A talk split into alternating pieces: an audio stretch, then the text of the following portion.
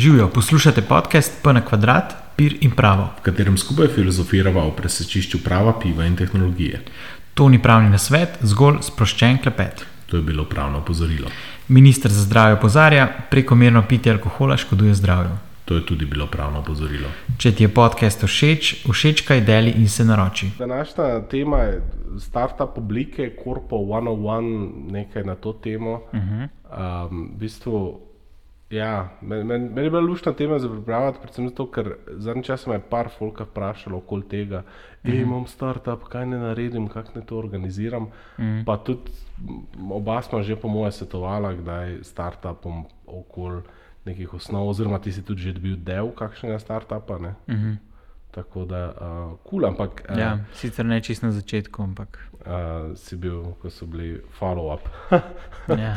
Veš, v glavnem. Uh, bom jaz prvo vprašanje, ki uh, je v bistvu zelo zanimivo. Uh, povej mi približno letnico in po možnosti državo, kjer je po znanih podatkih, beri kar sem googlal, uh, obstajala prva delniška družba, ki je bila pivovarna. Hu, ok. Ne, Dajmo prvo državo, katero državo bi rekel. Nizozemska. Ne, je malo čez. Okay. Potem pa Velika Britanija oziroma Tako, Anglija. ja. Okay. Uh, zdaj pa letnico, cirka, pač hmm. daj, kaj bi rekel. Ja, zdaj delniške družbe so se kaj tam 17. stoletje pojavile. Uh, 1885. ok, 1807. Ampak 1807. Šele. Šele, A, okay. mislim, okej. vse to so prvi, The British, the British. Ale Brewery. Hm. Ful ni čisto jasno, tudi omejeni podatki so okoli tega, ampak kolikor razumem, pa bil potem sodni postopek okoli tega, a je to zakonit namen, da v bistvu zbiraš mm -hmm. denar uh, za, veš, ti si imel IPO, torej javno ponudbo delnic za to, da boš varil alkohol. In je bil nek cel sodni primer okoli tega in so rekli, da, da ne. Da, pač, Kaj? da, da, kao, da to ni dopusten namen, da, da pač za alkohol variti. Ne vem, to, to A priznam. pa je da potem sploh bila to prva? E, Mislim, bila, bila je prva je ustanovljena, bila ampak ni. ampak A, okay. da je bil vplačen, ker sta bili kao dve istočasno, Hm. ki ima spela, poleg British Ale Brewery je Golden Lane Brewery. Um, sta bili edini dve pivovarni, ki sta v bistvu uh, zaključili svoj share subscription, torej vplačilo osnovnih vložkov v, v delnice. No. Um, jaz sem hotel še tudi vprašanje dati, ampak ni povezano s pivom, zato ga nisem. Eh, Najstarejša še obstoječa gospodarska družba, ko kontinuirano, pa je ena japonska iz 520 našega štetja. Wow. Tako da ja, hm. Um, kar staro vse skupaj, ne? ker pač korporacije preživijo ljudi. Zdaj pa, katero pivo si prinesel, tudi nekaj zimskega za nami. Uh, Pelicon, uh, Winter Warmer, to ja. je letnica 23, 23. ta zadnji. Je pa to temno pivo, Yep. mislim, da nekaj čez 8% alkohola. Ja, zdaj sem Uh, zelo kar, grdo. kar huda. No. Vtrgal, Ja, tako uh, zdaj tako, jaz ne morem zdaj prebrati, ker je pač to vse raztrgano. Ja. Ampak um, Ja, jaz to je sem- to. Jaz sem z etiketami, oziroma pivom, ki je za vidve etikete kot otrok na božični večer, ne pač vse Mhm. raztrgaj. Um, nič, you do the honor s tem zelo slabim odpiračem. Mogoče bi si mogla misliti branded odpirač. Ej, to pa komod. A bo šlo? No, slabo kaže. A imaš še kako odpirač? Jaz imam eno. Uh, Medtem ko gre žiga po drugi odpirač, uh, bom jaz poskušal še s tem, ker mogoče pa sem bolj ne, ne, fak, s tem odpiračem ne bo šlo. Daj, ti si. Um, žiga ima seveda odpirač na ključih. Uh. Um, no. En- Enkrat smo že pila tega zimskega pelicona, ne? Uf, ok, skoraj še če. Ja, spomnim Ja, se. dva, mislim, da je bil ti letnik 22, ta je pa 2,23, tako da zdaj bo videla. Ful je fletno, razlike? to je tak gost temen tir, da po, ful sem se lepši na točko kot temi. Uh, čin. Um, mm. Mm, ne, ne, ne. Karamel, ja, kot da bi imel rum noter, se možno makati, ampak taki karamela, kava, čokolada, stout, ful. Ja. Tak kar sledica v kozarcu. Božična sledica sred februarja. Ja. pa zunaj sem se lagal, ni tako mraz, ampak je v bistvu kar toplo. Thank you, global warming, thank you. V glavnem, No, nazaj k temi. Nazaj k temi. Um, v bistvu sem, ne vem, to je bila moja ideja, pa mislim, da se strinjam, da, da um, začneva na tak način. Ne. Mm -hmm. Da bi malo domišljijo raztegniti. ne. Najn podcast rata full uspešen, recimo, da, da že ni, um, in vidiva potencial, da rata dobičkonosen. Torej, imamo mm. neko idejo, imamo neko idejo za startup. Ne. Um, in zdaj se pač hočemo ustanoviti neko firmo, oziroma to nekako strukturirati. Um, zato, da ne bomo pač zasebno to delala uh, Žiga in Peter, ampak mm -hmm. bova skozi neko um, nekako naredila. Ne. In kaj so opcije? Je zdaj najbolj simpel, ne? pač prek tvojega SP-ja, ki ga že imaš, ne? pogledaj iPad. Uh, torej prek SP-ja od enega izmed najo pač izstavlja račune in se mi dva nekako dogovoriva. Ne? Zdaj to je potencialno lahko, mislim, davčno niti ni nujno, ne? če se vse to uredi, pač en ima SP, uh -huh. mi dva se recimo zmeniva, ne vem, jaz sem pri tebi zaposlen, um, kar pomeni, da bo mo, žiga moj šef. Ne? Uh, Glavno pogodbo o zaposlitvi, ampak. A Uh, pa neka druga vrsta pogodbe. Ne? Ja, ker pogodba o zaposlitvi bo zelo hitro, zelo draga, ne? mm. pač eh, prispevki in, in vse ostalo, regresi, malce, prevoz, um, so vse te stvari. Po- Če bom- bova se zmenila, da bom delal doma, kar pomeni, da boš mogel še vse te akte sprejeti, pa slikati ti bom mogel, pa ne. V glavnem, ok, se pol zmeniva druga oblika, podjemna pogodba ali pa avtorska, oziroma vse, avtorska pogodba je podjemna mm -hmm. pogodba, tip podjemne pogodbe, pri čemer je pri avtorski pač avtorsko delo. In recimo, ja, se ta podcast, ne, ne, ne mu bo, da, je dovolj dober, da je to avtorsko delo. Recimo. Um, ja, mislim, kaj, kaj, kje ti vidiš probleme te ureditve? Ja, mogoče to, da sem jaz potem glavni odgovoren, ja. Na nek način nimava delitve Uh -huh. uh, deleža, ja. oziroma deležev sploh ni. ja, ni deleža. Ne? Uh, vse je vezano v bistvu potem na name, recimo v tem primeru. Ja, v bistvu ti, ti, kar se mene tiče, ti lahko pobereš ves denar, pa Ja. pičiš, ne? ni nujno, da mene izplačuješ, kot smo se dogovorili. Um, Pričemer, kot sem rekel, ne, mi dva bi skupaj delali to, tvoj SP pa bi izstavljal račune. Um, Pol je pa tudi problem zate, ne? če recimo, se pol tudi zmenova, ti mene pooblastiš, da v imenu SP-ja neke stvari urejam. A veš, jaz kupim full piva in se zapijem, in se potem ti zapufan, in ode uh, hiša, otroci na ulici, in pač za- zaradi tega pijančka. Ja, lej, Ja. Vsakodnevna, se je že zgodilo. vsakodnevna zgodba v marsikateri slovenski vasi. Ne, bi se bolj tragična, je glizan, sem bral spet ono klasično, ko je nekdo, veš, um, Sekiro. Ne, ne. Joj, ne, ne sekiro. Mislim, na primer, ko pač um, ponavadi nek eh, pride v družino, nov poba in pol prepriča starše uh -huh. od eh, neveste nove, da se oni kot poroki zavežejo za neko bajto ali pa za neke posle. in pol Pa za Bitcoin. A pa za Bitcoin, mislim, joj. A, a barve, jaz sem prebral no 140 ur, ko je nekdo zgubil ravno kar te dni. Ja, teh, uh, se teh prevar je kar veliko. No. Ja, pa, paste se na internetu. Nisem ne dajati gesel nikomor. Ja. Uh, to je v bistvu zdaj ok, SP varianta. Ja. sem- To je zelo tako lin, a ne? Saj Ja. Po, nek, po nekem vidiku, mislim, z nekega vidika je to good enough, mogoče če si mehen, če ni nekega Ja. ja. spora, ampak Mislim, da marsi- pa nimaš lih pokritih. Se strinjam, Da. ampak marsikateri startup dosti krat tako začne, da Ja. recimo, ne vem, je skupina prijateljev, en Mhm. že ima SP in potem se zmenijo, ok, bomo ti prek tega fakturiral ne? Mhm. um, in se potem nekako to zmenijo. Zdaj bodimo iskreni, marsikdaj se pol zmenijo, da gre ta denar pač na roke potem, ne? Mhm. Uh, po domače rečeno delo na črno, kar pač je, je, ni ok, je prekršek, ne? ampak dejstvo je pač, to se dogaja. Mhm. ne.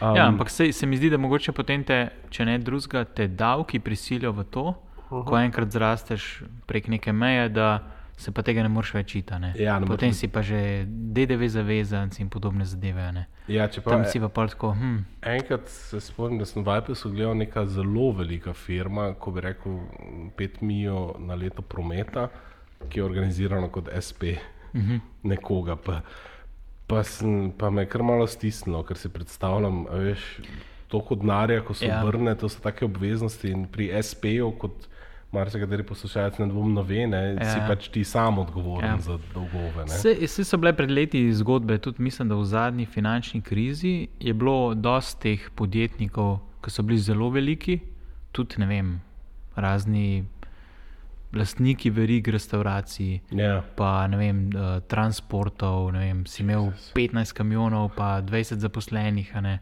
pa ne vem, par milijonov prometa, pa gradbinci, pa tako naprej, ne, pa na SP-jih, a ne vse. Ah, fuck. Um, in je to potem, ja, in potem so, bile, so bili razni krediti zadnji in vse to, in je pač, ja. Ja, potem In gre pa ena babica, hiša. a Ne? Ja, ena ja. babica jamčila za nutrija. Okay. Ja. Glavnem, Tako da um, to, to ni v redu, ko priješ čez neko mejo, Ja. treba malo. Um, no, po, po sem se v bistvu spraševal, ne, če greva nazaj v pravno teorijo, prvi letnik, kaj sploh je to, žiga, kaj je to, kaj, kaj, kaj smo mi dva? Mislim, kaj, what is this? It's complicated. Ja, ja, Več, ja. Uh, soc, societeta, ja. societas. societas, ja, latinščino Ja. ja. tudi znava. Mislim, ne. Um, Oziroma, zdaj ponovim se temu reče tudi dal. ja, dal. Sem zdaj sva samo dva, tako da. A se ti meni dal, a sem jaz tebi dal. Tako je. um, societeta oziroma družba civilnega prava. Zdaj, marsikateri lajk ne ve, da to sploh v Sloveniji obstaja, oziroma uh -huh. da pač to je stvar um, naše pravne ureditve. In uh, družba civilnega prava, to gre za dejansko skupnost udeležencev, ki jih povezuje nek skupen namen, vendar ta nima pravne subjektivitete. Torej, ni ločena pravna osebnost, ne, tako kot recimo, veš, če bomo kasneje prišli do tega, če imamo mi dva DOO, je ta DOO ločen od naju, kot pač mi dva kot posameznika. Mhm. In um, družba civilnega prava je pač, recimo, klasi, mi, v bistvu najn podcast je to, najn skupen namen mm. je ustvarjati ta podcast. Vsak od naju je prispeval z opremo in drugimi stvarmi, um, v bistvu na konc koncev najnim časom pa znanjem, ne, pač nekako prispevaš. Tudi, recimo, dosti klasičen primer so kakšni bendi. Mislim, da smo se na faksu celo učili, da je bil to tak ključen primer uh, benda. Um, zdaj je ful zanimivo zgodovinsko, če, če so kakšni navdušeni, eh, si v naši bivši državi Jugoslaviji a, družbe civilnega prava ni bilo, uh, mislim, ni bila urejena v zakonu, uh, zaradi tega, ker takrat so nekako bilo mišljeno, da bi te neke samoupravne agrarne skupnosti do neke mere to nadomeščale, ampak eh, se pravi, spet za, za ljubitelje pravne zgodovine, predvsem tistih pet, ki jih je na svetu, um, je pa družba civilnega prava nekaj, kar obstaja že za časa pač rimskega uh, cesarstva. Ne. To je že od takrat dalje in je to obstajalo do Jugoslavije, ko so rekli, ah, jok, tega ne rabimo. Mm. Ampak to, to je ful, to je ful, geeky, pihlarska zanimivost. Ampak meni je zanimivo, meni je zanimivo, oprosti, meni je zanimivo. Ja. Ja. Ne se smejati. Ne, se jaz tukaj vidim fulen tak uh, lep segway potem v kripto, ne, ker zadnje čase je ta de, eh, Decentralized Autonomous Organization, kar so uh -huh. tudi imela enkrat Ja. ja. temo. Um, no, ampak jaz sem to malo raziskoval in sem prišel tudi do ugotovitve, da uh, ta Lloyds uh, zavarovalna v bistvu m, družba je zdaj, a ne, ampak začela se je pa kot neka zavarovalna skupnost, ne, ker to so bili neki ljudje, ki so dejansko v sindikatu zavarovali uh, ladijske prevoze um, in oni so se dobivali, mislim, da je bilo v neki gostilni, pubu.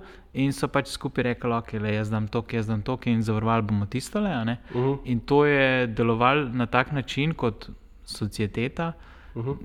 Mislim, v, v našem um, pravnem sistemu bi to bilo tako, a ne v anglosaksonskem je to bila neka neinkorporirana družba. Ja. Um, mislim, da so oni dobili pravno entiteto šele z nekim zakonom, ne vem, 70 let kasneje. A ne. Okay. Uh, zdaj ne me držati za besedo, ampak to je bilo kaj, tam nekje 17. stoletje um, in to je delovalo desetletja a ne, na tak Ja. ja. način. Se spomnim, da v DAO epizodi, mislim, da smo se sem jaz potegnil analogijo s tem, da so DAO, ti, pa si tudi ti omenjal, da se zgledujejo po samoupravljanju. Ne? V času ja, socializma na ne, nek ki je bil način, ja. nek unikum ne, in, in mm. veš, eh, mi delavci si lastimo proizvodna sredstva in mi sami upravljamo s tem ta neka. Ampak, ok, ne bomo zdaj šli. Ja. Nismo tako jugo nostalgika, pa Um, žal v Sloveniji, kadarkoli se pogovarjaš o tem, si že iz ene ali pa druge strani obsojen, da ali si bil proti ali si bil za. Pač, whatever. Boli me. V glavnem, ok. Um, societeta, ne, v bistvu, tako smo rekli, band in to je v bistvu vsak startup, dva kolega v garaži začneta pisati kodo. Mm. Um, pač to, to je to. Ne. In jaz bi tu res podaril, celo šel sem komentar gledati, ker nisem bil pripričan, ampak se mi je zdelo logično, da pisnost. Načeloma moraš pri, družben, pri societeti imeti družbeno pogodbo sklenjeno, uh -huh. ampak ni potrebno, da je pisna pogodba. Ne? To je že, bom rekel, tihi, tihi dogovor, oziroma da se že udejanja. Um, tako da pač pisnost ni pogoj, in uh, da, bi, da se že tako naprej opredeliš, on je to prispeval, on je to, naš skupni namen je to. Mm. Seveda pa pač. Uh, Ja, le ne, je pa fajn, da, pa fajn, da ne, ne. Mislim, je pa fajn, da spišeš. No. Ne vem, ne vem kako je tvoje mnenje. Se, vem, da bo to še pol dalje, ne, ampak a veš pri startupih, na kateri točki naj začnejo malo se pogovarjati o stvarih, v smislu, kje smo, kam smo, kaj zdaj tu delamo. Ja, po moje, ko so vložki, pa ko je denar tako velik, da ni več heca. Zdaj, uh mogoče je za nekoga to 5000 evrov, neko, za nekoga 1000 evrov, za nekoga 100 tisoč evrov. Ja. Um, mislim, jaz sem tudi videl zgodbe, ki so imeli zelo simpel napisano pogodbo na eni strani, pa se je šlo za ogromne denarje, pa ni imel noben s tem problema. Ja. Vem, jaz bi ga pa že imel, ne bi ja. pa rekel, je to pa zdaj premalo definirano. Pa, hm, ne. Ja, ne, mislim, da se, um, se strinjam. No, ampak tako, ker se mi zdi, da to je, veš ravno start-upi, načeloma, pa vsi ti projekti izvirajo iz neke skupne kreativne, iz nekega kaosa, se mm. izrodi nova, rodi nova ideja, iz nekega truda, garanja, pa to in pol. Si skoraj malo parti puper, da pa rečeš, da je fanti, zdaj pa se dajmo vse, pa malo kdo, kdo je zdaj pač tu, kdo pije, kdo plača. Ne, mm. um, ne vem, vse tako, da je banan uh, primer, ampak en res dobrih firmov, čeprav ni najbolj zgodovinski, The Social Network, ki pač mm. govori o Facebooku. Ne. Tam sicer ni bil ravno to, ampak veš, tudi tam so se začeli potem inkorporirati in so se bilo treba dogovarjati, in tam mm. so se potem tudi na tegi zgodili, pa ne vem, kaj vse. Ne. Mislim, da je zelo poenostavljeno, ampak to je potem tisto. Ne. Dok, Mislim, eh, kot da moja sodelovka ful dobro reče, ne, pogodbe se ne piše za takrat, ko smo prijatelji, ja, ja. ampak za takrat, ko ja. nismo. Točno to. A, ja. piše pa se jih, ko smo. V glavnem, um, ok, kul, cool, pa smo razrešili, mi da imamo civilno družbo, societeto, to to ne. Mm. Pač ne še, še rab, kaj? Ja, ne. Ja, ne, ne, ne. To je to. Ja, okay, Kriptovalet in gremo. Kriptovalet in gremo. Um, ja, ne, ne, problem je podobno kot pri tvojem SP-u, pa če sem posamičen, tudi pri civilni družbi vsak v bistvu odgovarja. Mm. Um, pa, Se pravi, omejiva odgovornost ja. z uh, vložkom. Ja. Oziroma, ja. Mislim, imamo v bistvu dve opcije, uh -huh. ki sta malo bolj privlačni v Sloveniji. Zdaj, ok, pustimo zavode in te zadeve. Ja neprofitne, ja. uh, se pravi, stane DO, družba z omejeno odgovornostjo, pa DD, delniška družba. Ja, sva rekla, nič pravna oseba. Na point je, da služba denar, ne, ker kot se reče, zavod je mm. za izobraževanje, društvo je nepridobitno. Ne. Mm. Um, edina gospodarska družba, ki pa je pridobitna, ne, oziroma edina pravna oseba, ki namenjen je služiti cash, ne, je pa pač gospodarska družba mm. um, po zakonu o gospodarskih družbah. Tako da vsakeč, ko kdo kritizira, je v tej družbi pa je samo za denar. Ja, to je nekaj smisla. Na meni. Ja. To so, mislim, pač, leti, leti korporacije, sem denar bi od nas pobrale. Ja. Mislim, kot lastnik imaš vedno opcijo, da imaš družbo, ni, kjer ni denar na prvem mestu. Ja. Ampak. Why? Ne vem. Mislim, Ne, se, to... Ljudje imajo druge motive, ampak še vedno te to stane nekaj. Ne? Uh mhm. -huh. Čakaj, do, Peter, uh, mirno to, toči pivo naprej. Ja, uh, ti ni ful lepo, ker je zelo gosto, oziroma tudi pena, polko se naredi, prav vidiš tako, ne vem, kak bi ja. prehod iz iste kočine v peno, tako prav. Uh, ne vem, magično, da si magiš. Eh, okay. V glavnem. Um, ja, in sva rekla potem, da greva DO. Um, in ja, kaj bi potem ti, mislim, DO, DD.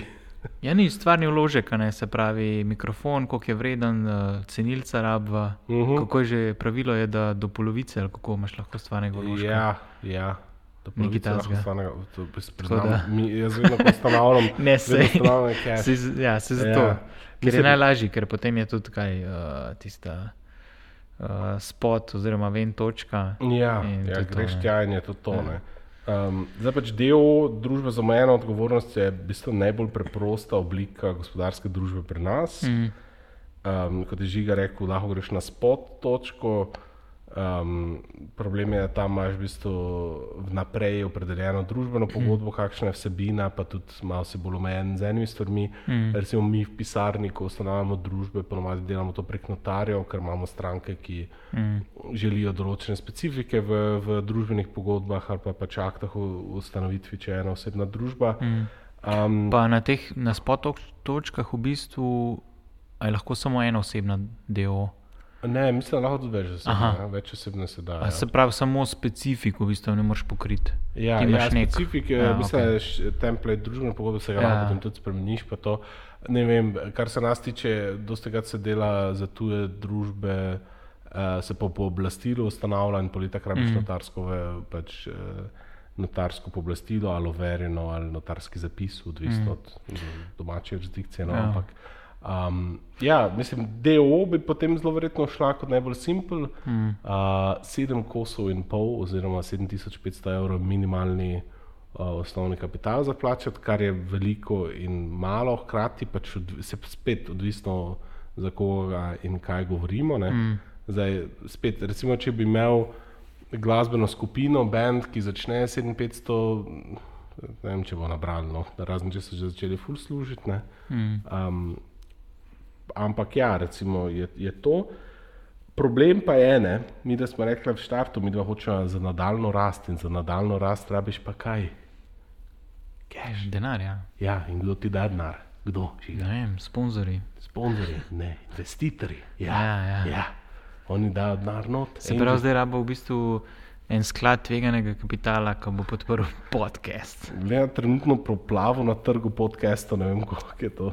Ja, mislim, da so obrala napačno pot, ne izdati bi mogla token. Ja, valjda. In potem bi to šlo na nek, ne vem kam, lansirala bi token na borzi. in- Ne, ICO bi Ja. imela, ne. Uh, hello, 2015 called, they want the ICOs back. Ne. A še zelo dela, kdo ICO je? Mislim, imaš je to, na, tako da je bilo to 2015, 2016. Ja, ne reče, se, ne reče se ICO, ampak zdaj temu vedno rečejo to, Token Generating Event. Zdaj pa ma, imaš pa ogromno projektov, ki dejansko nekaj naredijo prej, pa potem šele token izdajo. Kar se mi zdi bolj, boljša pot, kot je bila včasih, ker si zbral denar in potem nekaj hotel narediti. Ja, mislim, ja, z desetstranskim white paperjem, how you're Ja. going to change the world. Ne, ja. We're going to change the world of manufacturing forever. Ne, ne boste, pač res ne. Ja, Dobro če bi ustrajali. če bi vztrajali, da imamo tudi. Ne, uh, mislim, se strinjam, v bistvu, v bistvu ICO, pa vsa ta kriptologika tu je do neke mere. a Veš, poenostavlja stvari, ki so bile kompleksne, ne? oziroma so pač eh, obvod tega, zaradi tega, ker je to bilo vsej v Sloveniji zelo zoprno. Ne? Ker mi dva, recimo, imaš družbo z omejeno odgovornostjo, ok, dobiva vem, 20 investitorjev, ki, ki hočejo vstopiti v družbo kot družbeniki. A Veš, za vsakega izmed njih moramo sklepati posebej pogodbe v notarskem zapisu, mm -hmm. prenos deleža um, in vse to urejati. Mislim, birokratsko je kar dosti. Ja, se to je tisto, kar se potem vsi pritožujejo. ne. Ja. O, imamo tujega investitorja, a zdaj mora priti kaj v Ljubljano, podpisati pri notarju in Ja, podobno. oziroma po bo bolj blastilo. Ja. Zdaj, ko srčno upam, da čim prej sem bil razpis razveljavljen, bo to za enotarja, bi mogoče Mhm. -huh. to en korak olajšalo, bomo videli, kako bo to zaživelo. Um, ampak uh, Uh, je, ja, se strinjam, pač ja, morajo priti v Ljubljano. Mhm. Mm. In, in problem je tudi, recimo, če imaš zaposlene, mi dva zaposliva 60 ljudi, pa bi rada, da se vsi poleg plače dobivajo a veš, dobiček ne, in da so udeleženi mm. kot, um, kot družbeniki. Problem, ker je omejen del na 50 zaposlenih. Ne. Um, sicer so še tu neki drugi mehanizmi, kako se da določene stvari, ampak če hočeš res, da so oni pač družbeniki in tudi mogoče imajo da pravico glasovanja in vse to, da pač skupaj krmarijo to najno ladjo, pač si omejen z do 50 zaposlenimi. ne. Um, tako da je. To, to je v bistvu največji problem DO-ja, ker drugače za upravljanje DO, pa vse to je pa bolj simpel, ne gre mm. po slovenskem pravu. Ne. Ti imaš lahko pač nadzornega sveta, ne rabiš imeti, imaš sam direktorje, da mislim, ful lahko poenostavi stvari, pa zelo močno prilagodiš. Um, Ja, mogoče tisti en medklic tam pri pr tej kripto, te uh Mhm. -huh. tematiki. Uh, zdaj po Miki bo tudi um, opcija, da izdaš dejansko čist regulirano uh, white paper Aha. in tudi zbiraš denar um, preko tokenov. Tako da tukaj je en mogoče način crowdfundinga ali pa nekega uh -huh. alternativnega fundinga, je pa to spet, to ni alternativa DOO. Se pravi, uh -huh. ti moraš še vedno imeti ustanovljeno družbo, ki potem izda tokne, ki niso deleži, uh, oziroma niso finančni inštrumenti, ampak so neki tokni, ki se uporabljajo na neki platformi. Ne? Tako da je mogoče to način zbiranja kapitala, ampak v nekem omejenem obsegu. No. same, same, um. but different.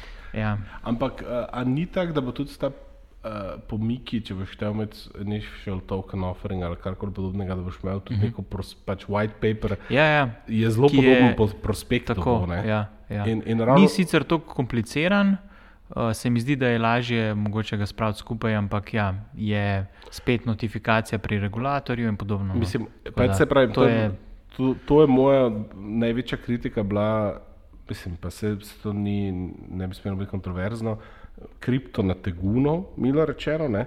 A veš, ti, če, si, če, izdaš, če izdaš prav ponudbo delnic, Initial Public Offering IPO, rabiš ti prospekt. Prospekti so res masivni dokumenti. To zadnjič sem jih enega odprl, mm. brskal po njem, Jurija 300 strani, eh, PDF se mi je sesul vmes.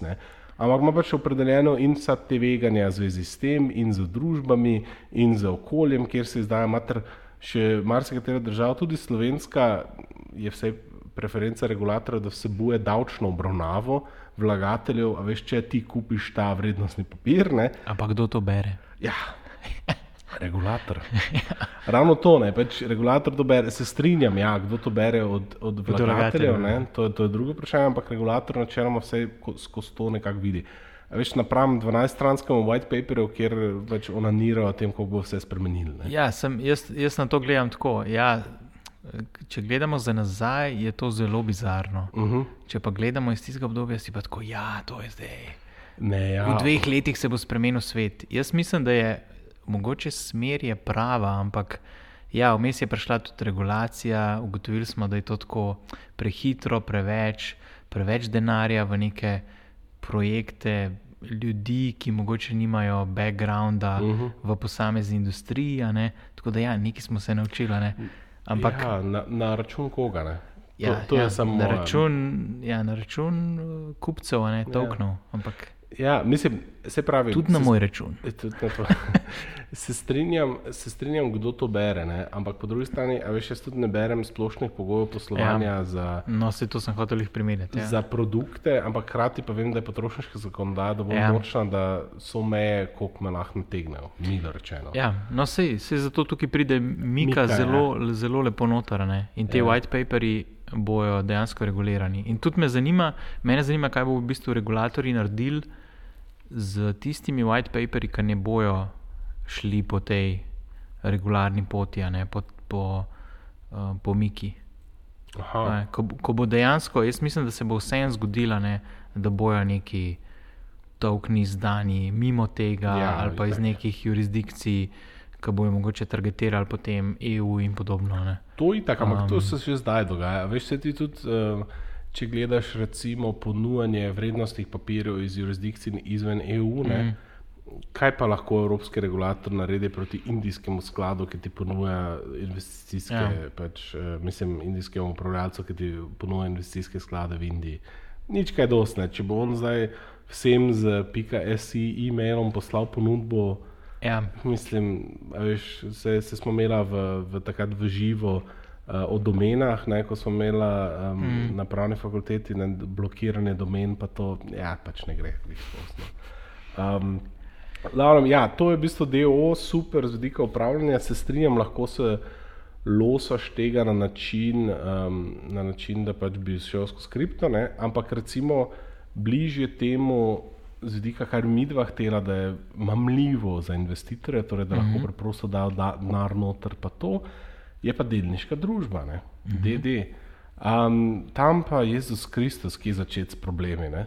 Jaz nisem zadnjič razmišljal, jaz ne vem, kdaj je kdo na zadnje, pa ne samo v naši pisarni, ki pač je da, mislim, naj, ena izmed največjih za gospodarsko pravo v Sloveniji, ampak na splošno, kdaj je kdo na zadnje ustanovil delniško družbo. mm, Pač delniška družba je z vidika ustanovitve že ful kompleksna. Obvezni notar, osnovni kapital je 25 ur, pa to še najmanjši problem, ta osnovni kapital. Pol morš, veš, imaš ali boš vse vnaprej plaščal, ali boš imel sukcesivno ustanovitev, uh -huh. oziroma boš dal na borzo. Um, pa, v bistvu, ja, borzna. ne. Edini, edina logika, zakaj bi imel delniško družbo dan danes, je, če hočeš na neki točki priti na borzo oziroma uh -huh. IPO izvesti. kar pa se praktično ne dela v bistvu v Sloveniji. Je žal naša borzna. Mogoče s temi, bom rekel, ta projekt vlade glede obveznic potegovalnih računov, Mhm. Da se ne- malo da se mogoče Prebudimo malo prebudimo. Ja, se, sicer jaz, koliko sem enkrat poslušal enega uh, strokovnjaka z tega področja, rekel, da je pri nas večji problem, da nimaš dovolj velikih eh, igralcev na trgu, ki Ja. bi motivirali res um, pač mm. borzno ravnanje, ne? oziroma da bi se ta kapitalski trg zaživel. Ne? Čeprav tale um, upis obveznic je bil kar uspešen, niso Ja, ja, zapolnili. Ja. Pisal obveznic je bil uspešen, ampak a veš, tudi, tudi če si je nekdo ustanovil trgovalni račun, odvložil 20 ur, mm. da v obveznice, mogoče bo kupoval delnice, ne vem pa, če bo to dovolj, da bo spodbudil druge. Ja. N- Ne vem, a je to, nisem dovolj, ampak se pa strinjam, da mislim, meni se sam, sam vem, ta predlog, proces se mi je zdaj, ok, bomo videli, kaj bo z tega. Mislim, zanimiv mm. eksperiment, pa vem, da so tudi na Hrvaškem, pa mislim na Mačarskem tudi to naredili, pa je bilo relativno uspešno, tako da ok.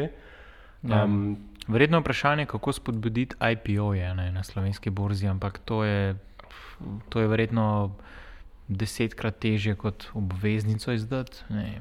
Mislim, bolje problem, problem je itak osnovni, tako da je za marsikatero tuje investicijo. Ne. Če ti hočeš imeti IPO, pa da še nek tuj denar ali pa tudi slovenski mm. prijenot, je vedno davčni vidik en izmed glavnih, ne. recimo ja. pa kuk dejstvo. No. Ampak um, ne, bom, ne bom se pretvarjal, da sem znalac, kar se tiče, kako rešiti kapitalske trge, ampak mm. hočem reči, DD, delniška družba je super, če hočeš to, če je tvo, to Mhm. tvoj končni cilj, pa v bistvu tvoja edina možnost v Sloveniji kot končni cilj. Ne.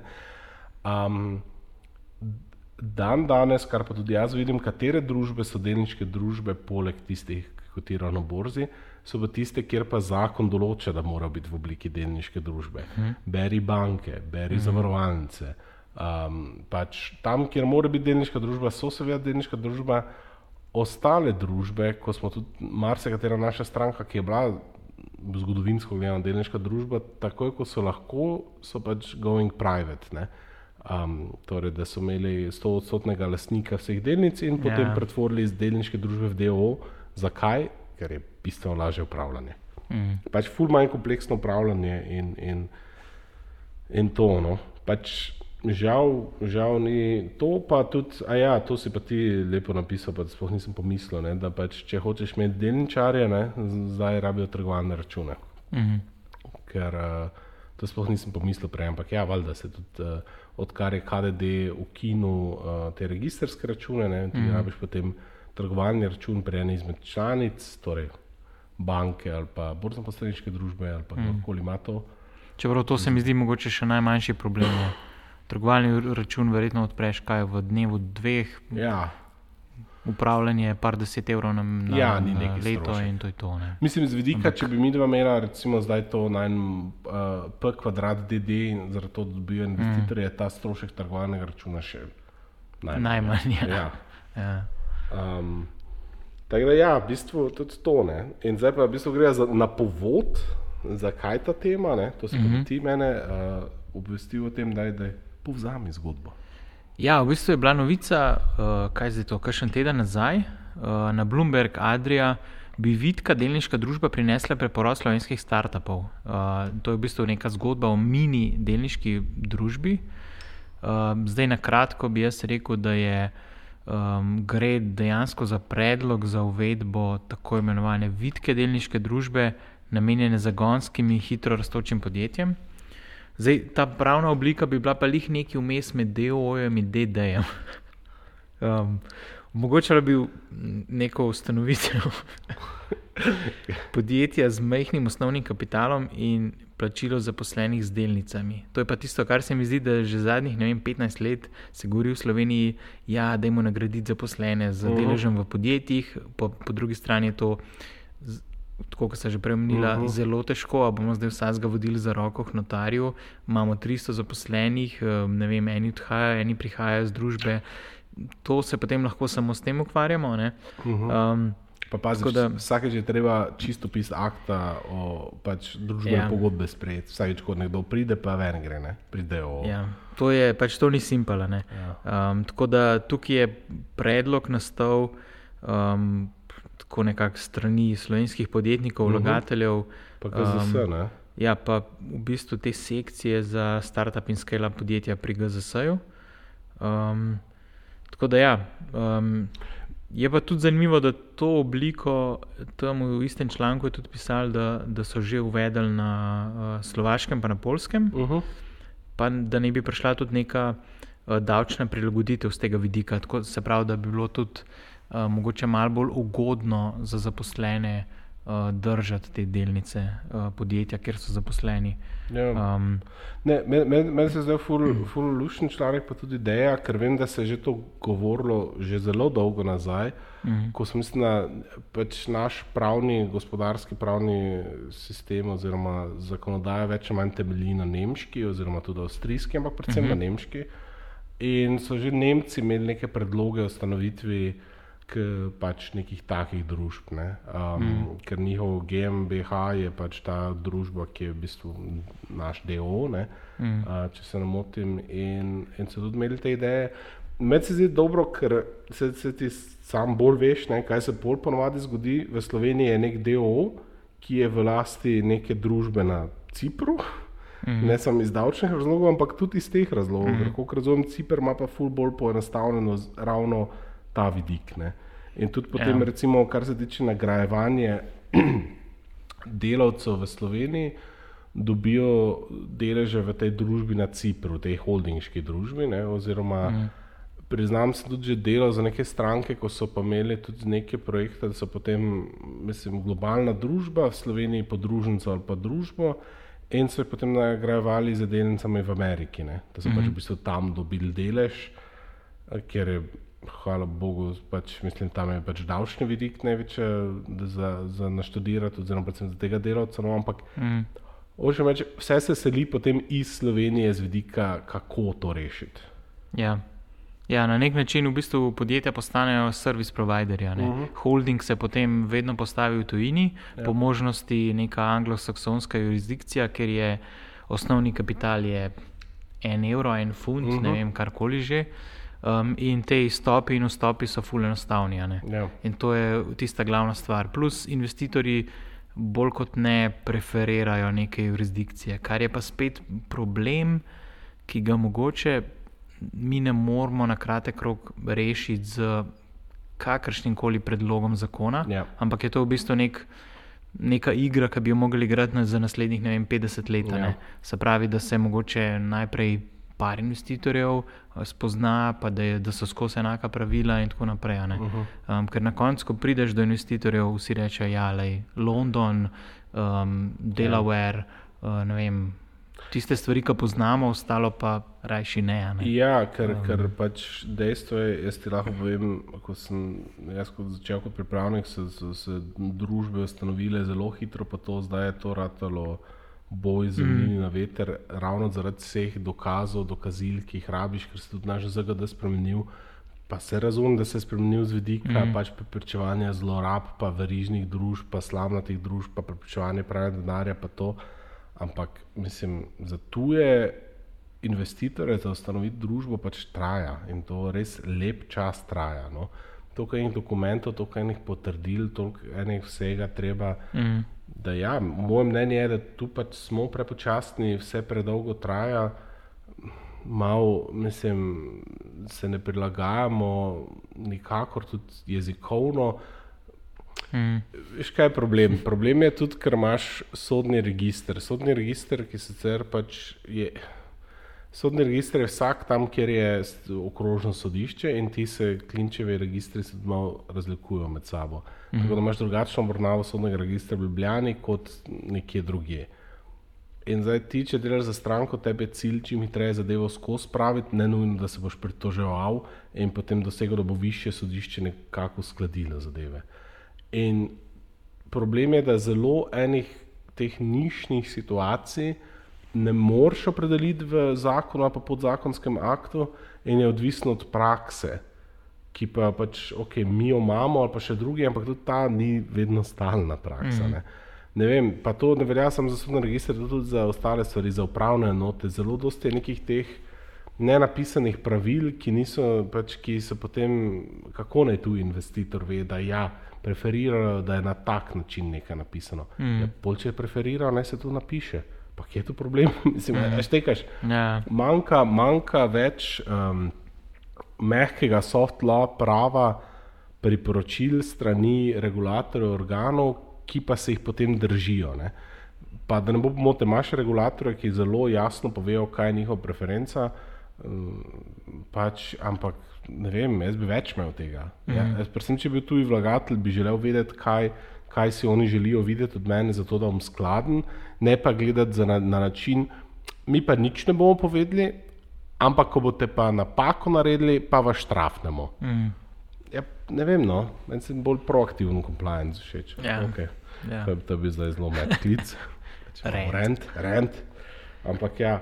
Um, Ja, ne- tako da ta predlog je zanimiv, bi jaz rekel, more pa mogoče iti v korak eh, s tem še davčni vidik, no, uh -huh. ki pa iskreno ga ne poznam najboljš, vem pa samo, da se ogromno ljudi pritožuje zaradi teh opcij, pa deležev v podjetjih, ampak ne vem točno, zakaj. Ja. Ja. Ampak, Jaz tudi priznam, da nisem se. Vem pa, da v tujini je velikrat, um, srečal sem se s tem, da, da mogoče te opcije, pa deleži v podjetjih, res se na res simpel način naredijo, da to je lahko ali za zaposlene, ali za neke zunanje sodelavce podjetja, kar spet pri nas, boh ve, kako bi bilo. Uh, tudi če se ta predlog uredi skupaj z davčno zakonodajo, verjetno spet ne bo zajel zunanjih sodelavcev, pa bojo samo zaposleni in tako Ja. naprej. Uh, Imáš pa anglosaksonske jurisdikci- jurisdikcije, kjer pa ne delajo nobenega, um, v bistvu nobenega, nobene razlike. ne. Mhm. In je davčna obravnava enaka za vse, komorkoli že to podeljuješ, kjerkoli. Ja. naprej. No. Um, Ja, se strinjam, ker v bistvu mogoče, sem napačno prej rekel, ne, da mi dva, če bi bil to najmen startup, ne, smo, smo predvsem nas zanima, kako tu investitore. Tu Mhm. investitore, če bo res hteli, bo se že nekako najbolj problem res za delovce nagrajevati. Ne. Da ti Ja. narediš to nek, ker če si ti pri nekem startupu, kjer pustiš dušo, pa 800-urne delovnike šopaš za pač manjšo plačo, pač to je logika startupa, ne. Ja. High risk, high returns. Ja. Ja. Delaš na Facebooku, pa si minimalno plačen, ampak potencialno pa nek pet, upside v Ja. ja. deležu. Ne? dobiš pa po petih letih en odstotek Ja. ja. delnic ne, in pač pri Facebooku, recimo, no, pri Facebooku je to zdaj zelo, zelo, zelo, zelo dosti denarja. Ne. Ja. Ja. Tako kot tajnica na Alibabi. Na to zgodbo poznaš. Ne, ja. Mislim, da je, zdaj ne vem, če je to res, ampak enkrat sem bral na internetu, da je ena ženska, ki je delala za tega Jack Maja, čisto od začetka, uh Mhm. -huh. da takrat, ko so oni šli potem na borzo, da mislim, da je ona skeširala ven, ne vem, več deset milijonov dolarjev, bila je pa njegova administrativna pomočnica oziroma lepo, no. tajnica. Ampak je pač nabirala te deleže počasi in to je bil izplen. Ja, ne, se, se, da, po ne vem, 20 letih dela. ne vem, zakaj mi to spominja na mojo, mojo sestro, ko je enkrat se na prevozih vozila pred leti, pa je en navdušen razlagal leta ne vem, 2009-2010 o Bitcoinu in pol je, pol je celo za hec za prevoz eh, plačal v ne vem 0, ne vem koliko Bitcoina, lanem. ne Mislim, da je na vrhunska bilo, bilo to, ne, je- mislim, da je že prodano, ampak je bilo nekje 200-300 evrov, recimo, iz Dobro. tega naslova. Ne. Tako da uh, je kulno. Um, nič, uh, še kaj za dodati, kaj misliš za prihodnost? Potreba je v to smer? Ali kaj? Ja, ne vem. Mislim, meni se zdi zanimivo, da se mogoče čisto generalno, se mi zdi, da vsake dve, tri leta pride neka nova pobuda, pa neka nova skupina glede startupov, kar se mi ne zdi sicer narobe, ampak ne vidim nekega generalnega napredka. Tako vsakeč je mogoče malo premik, ni pa, da ima že to pač urediti in da, da se prebije samo ta ta del, da dejansko neki startupov ostane v Sloveniji. Jaz tega še nisem videl. No. Ja. tako da, Mislim, da vem, jaz, jaz bom tako rekel, tu ni, tu ni po moje, kar se tiče re- recimo še en aspekt, in to je bilo prej v mojem rentu omenjeno, je ta hitra ustanovitev podjetij. Ne, Mm. Tu ni samo Slovenija, slovenska zakonodaja, tista, ki to vpliva, tudi pač seveda evropska. Mm, In ne vem, zakaj imam tak občutek, da ne samo v Sloveniji, tudi v Evropi ni več toliko fokusa, da dajmo ljudem možnost za hitro ustanovijo firme, pa start-upe, ampak mm. smo bolj tak. Čak, čak, naj mi zdaj preverili, odkje je ta denar. Pa, mislim, Ja. kar razumem, ampak veš, je pa potem problem, ker veš, takoj, ko boš imel ti vedno bolj strože preverjanje, pa vse to, mm, je pa pač seveda ne boš bolj lahko firme ustanovil v enem dnevu, pa potem takoj eno novo. Ne. Ja, tu- da, ja. Mislim, ve- veš kaj hočem reči, ful hitro. Sem to je tako, ne? To, to, je, to se mi zdi mogoče vprašanje filozofije. A zdaj mi eh, gledamo samo na to, da bomo preprečili zlorabe, ali gledamo na to, da omogočamo nekomu, ki hoče nekaj Ja. yeah. narediti, da dejansko to naredi. a ne. Ampak tukaj je pa nekdo kaznovan, zato ker pač Ja. nekdo zlorablja. Ne vem, Je- je- da, rekel. da ne začnemo o tem, koliko časa se bančni računi odpirajo. Ampak, Ja, ja vse vem in, in to, tu, tu pa. Tlej, vem, ker sem za eno ameriško stranko skoraj leto odpiral račun. No? Mm. Ampak problem je, in tu čisto razumem in sočustvujem z bankami slovenskimi, ne? kar je zelo težko reči. Ne? Ampak uh, ne, mislim, uh, hočem reči, vem, kakšna je regulacija strani preprečevanja pranja denarja, vem, kakšna je bančna regulacija, vem, kakšna je interpretacija slovenskih regulatorjev glede te zakonodaje, beri do daska, bolj papeški od papeža, kar pa potem seveda vodi do tega, da veš, je zelo težko te stvari. Ne. Ne vem, jaz recimo, če, pa to bi bila sicer zelo super tema okoli preprečevanja pranja denarja in tega, ampak tudi recimo, da na to temo se navezujemo, mo, za moje pojme, kar bi bil en izmed največjih benefitov za evropski trg gospodarskih družb, centralni registri, hočem reči, vse evropski registri, IPES za EU. Mhm. Zakaj še tega ni? Zakaj jaz ne morem v enem trenutku preveriti za katero koli družbo, ki je ustanovljena e- v EU in je po nacionalnem pravu mhm. dolžna dati podatke o lasništvu, o UBOT-u in vsem tem, zakaj ni enega takega panevropskega registra še? Z, brezplačnega. Mm. Ker, ker za določene jurisdikcije moraš plačati za te podatke, Ja. ja. tako ne razumem, kako to tam funkcionira. Ja, zato, ker to ni, to ni urejeno na tak način. Mislim, da je to v bistvu z direktivo urejeno. Ne? In potem Ja. je. Ampak, ampak Pa predstav, predstavljaj si, da bi Ja. lahko to, ko si rekel prej za banko, oprosti, da preginjam, ampak to, ko si rekel prej za banko, predstavljaj si, da bi lahko slovenska banka pokliknila v ta register mm -hmm. za točno eno družbo v Španiji, preverila, kdo je njihov lasnik, mm -hmm. kdo so družbeniki, vse podatke, pa ne bi, me, ne bi smela imeti dvoma o tem, ker je bil to uradni evropski register. Mm -hmm. Oprosti, sem, to bi ful enega mojega dela, pa Ja. delam večina korporat odvetnikov, bi do neke mere celo izničila, ampak ful enih stvari bi olajšala. Pol bi ti trgoval za neko družbo v v, ne vem, v Litvi in bi lahko v trenutku preveril, da ta je res zastopa, vpisan kot zastopnik, ni dilem. Ne? Ja, Ne se vem. strinjam. Ja, Ja. tako da to. Uh, let's make Europe great again.